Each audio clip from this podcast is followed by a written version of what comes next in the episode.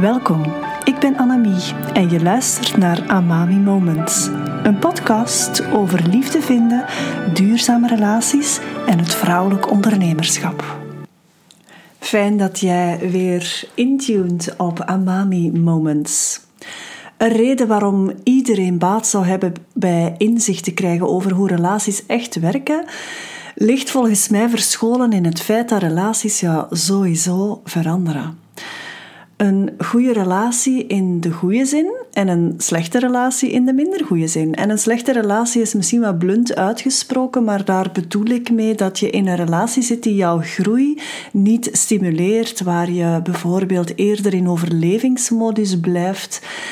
Uh, terwijl een goede relatie een relatie is waarin je aangemoedigd wordt om te groeien, om meer van wie je bent te kunnen tonen, uh, te ontdekken, te ontrafelen, uh, naar boven te halen en, en ja, je te ontdoen van alles wat eigenlijk niet meer bij u past. En ik zie daar ook echt een hele sterke gelijkenis mee met ja, aan business doen, aan ondernemen. Ondernemen vraagt, en ik voel dat ook in mijn eigen leven, dat vraagt dat je je ook ontdoet van bepaalde zaken die niet meer werken voor jou. Uh, tegelijkertijd dat je super trouw blijft aan wat je van binnen voelt dat je moet doen. En het is een evenwichtsoefening ook voor mij om daar mijn pad in te vinden. En ik zie daar echt een hele sterke gelijkenis met een goede, liefdevolle relatie opbouwen. Ook daar maak je vaak de evenwichtsoefening tussen wat is er goed voor mij, wat is er goed voor de relatie. Uh, waar willen we echt naartoe? Wat werkt er echt voor ons? En wat is onze revenue daarvan? Wat is onze winst die we daar beide uithalen? En hoe ik het persoonlijk ervaar, is dat elk van mijn intieme relaties in mijn leven mij altijd op een of andere manier geholpen hebben om spiritueel te ontwaken en te groeien. Het heeft mij geleerd, en elke dag word ik daar nog altijd in uitgenodigd, om meer vanuit de wijsheid van mijn hart te gaan functioneren en niet zozeer bezig te zijn met het brein gestuurd afvinken van wat hoort in een relatie. Hiermee wil ik niet zeggen dat je voorbij rode vlaggen moet gaan functioneren. Integendeel, je hoofd mag deel uitmaken van het hele systeem. Maar met de wijsheid van je hart bedoel ik je vrouwelijke intuïtie, je diepe voelen, dat wat door je stroomt, wat je voelt opborrelen, dat jouw waarheid is. Persoonlijk heeft het mij toch wat jaren geduurd voor ik me daar echt bewust van werd en in staat was om die wijsheid te horen en te voelen in mezelf. Het niet weten hoe het leven er exact zal uitzien voor mij over de jaren heen, is daar een heel belangrijk deel van geworden. Ik herinner mij dat ik in mijn vorige relatie heel erg gehecht was aan alles wat we opgebouwd hadden samen. De praktijk, het huis waar we in woonden, de uiterlijke en visueel zichtbare zaken. En het heeft het scheidingsproces alleen maar langer gemaakt. Gewoon omdat ik in mijn hoofd te veel bezig was met alles wat ik zou moeten loslaten en waar ik niet klaar voor was. Waardoor ik liever in een relatie bleef die niet meer werkte en mijn momenten zelfs wat destructief werd. Voor ons beiden, dat is niet alleen naar mij toe, dat was echt iets dat wij beiden creëerden. Dan dat, we, dat ik zou luisteren naar de wijsheid van mijn hart en weggaan en mijn eigen pad gaan volgen. En hoewel ik nog steeds van mooie dingen had, ben ik totaal niet meer zo gehecht aan die materie. It might be nice to have, maar het bepaalt mijn identiteit niet meer. En dat is echt een effect van de lessen die ik heb geleerd uit die relatie. Mijn huidige man en ik vinden het heel belangrijk om diepe verbinding te voelen, om ons hart te voeden, om te groeien en te, te, te kunnen thuiskomen bij elkaar. Dat staat boven alles. En natuurlijk herinneren wij elkaar daar af en toe aan. En als ik eerlijk ben, moet mijn man mij daar meer aan herinneren dan andersom. Mijn man heeft de natuurlijke eigenschap van heel erg in het nu te kunnen leven, van prioriteiten te zetten die joy brengen. Hij maakt zich bijna nooit zorgen over iets en ziet van nature uit het positieve in een situatie.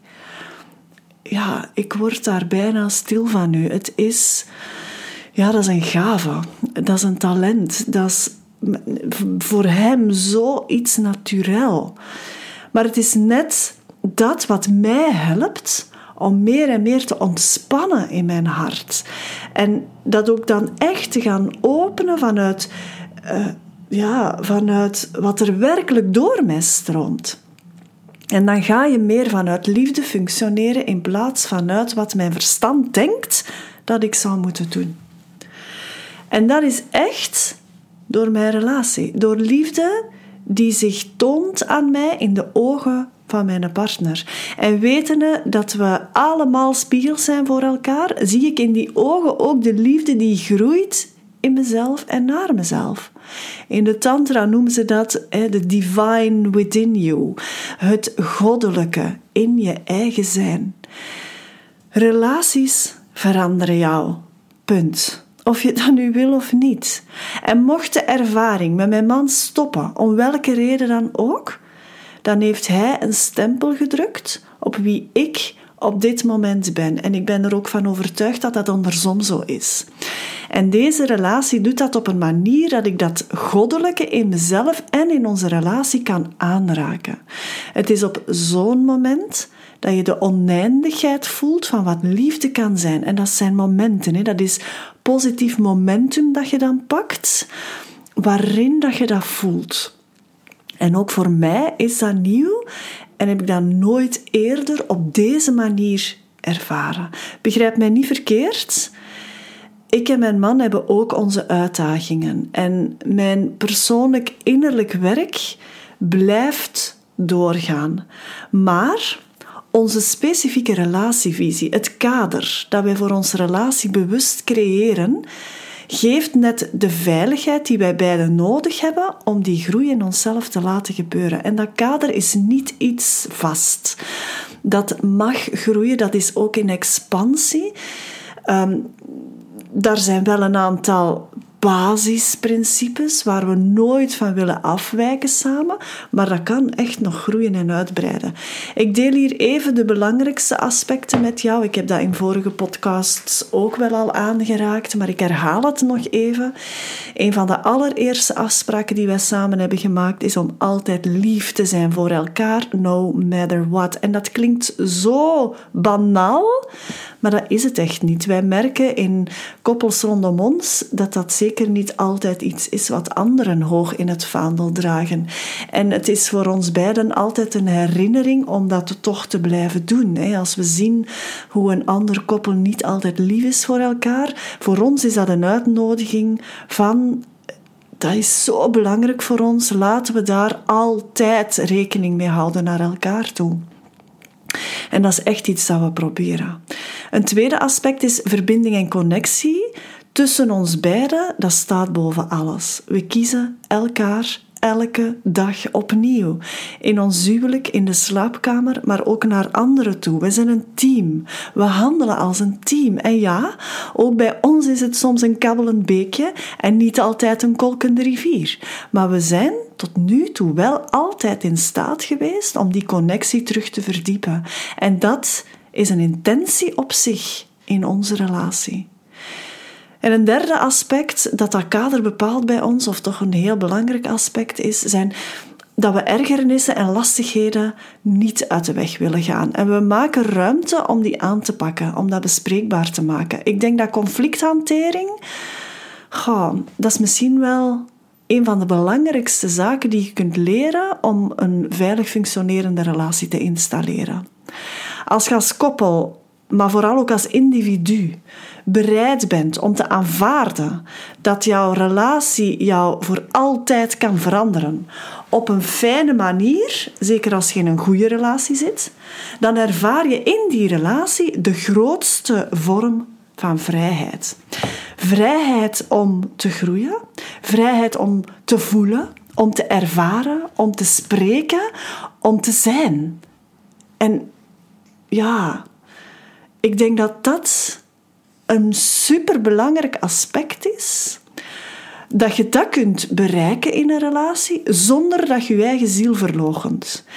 Want als je wat codependent bent of je bent wat pleasend, dat is niet wat ik hier bedoel.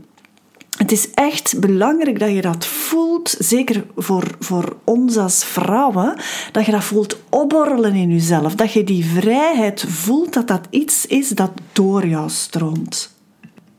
En ja, dat is vanuit bewustzijn gecreëerd. Dat is niet vanzelf uit de hemel komen vallen.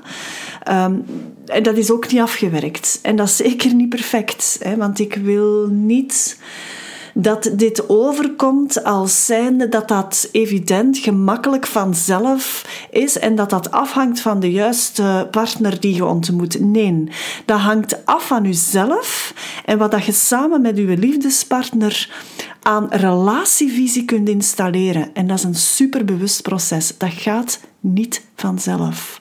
Maak u daar geen illusie over.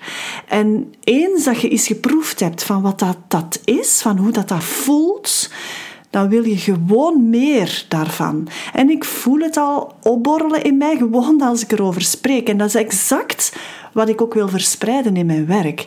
Dit zou het normaal moeten zijn in elke liefdesrelatie. Een liefdesrelatie die een krachtige relatievisie ja, als fundament heeft. En daar sta ik echt voor. En dat is iets dat al begint in uw aantrekkingsproces naar nieuwe liefde. Dat start altijd vanuit uzelf, vanuit wie jij bent, vanuit waar jij voor staat. En ja, een relatie gaat jou veranderen. Maar als uw basis goed zit, als jij de liefde door je voelt stromen, als jij in uw vrouwelijke uh, kracht kunt gaan staan en als jij weet wie dat je bent, dan is dat zoveel gemakkelijker om de man aan te trekken die daarin resoneert. En dat is waar ik voor sta. Als ik jou geraakt heb op een of andere manier met deze aflevering, deel ze dan met anderen.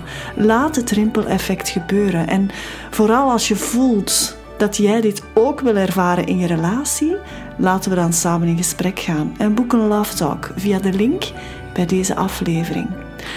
Heel graag tot een volgend Amami Moment.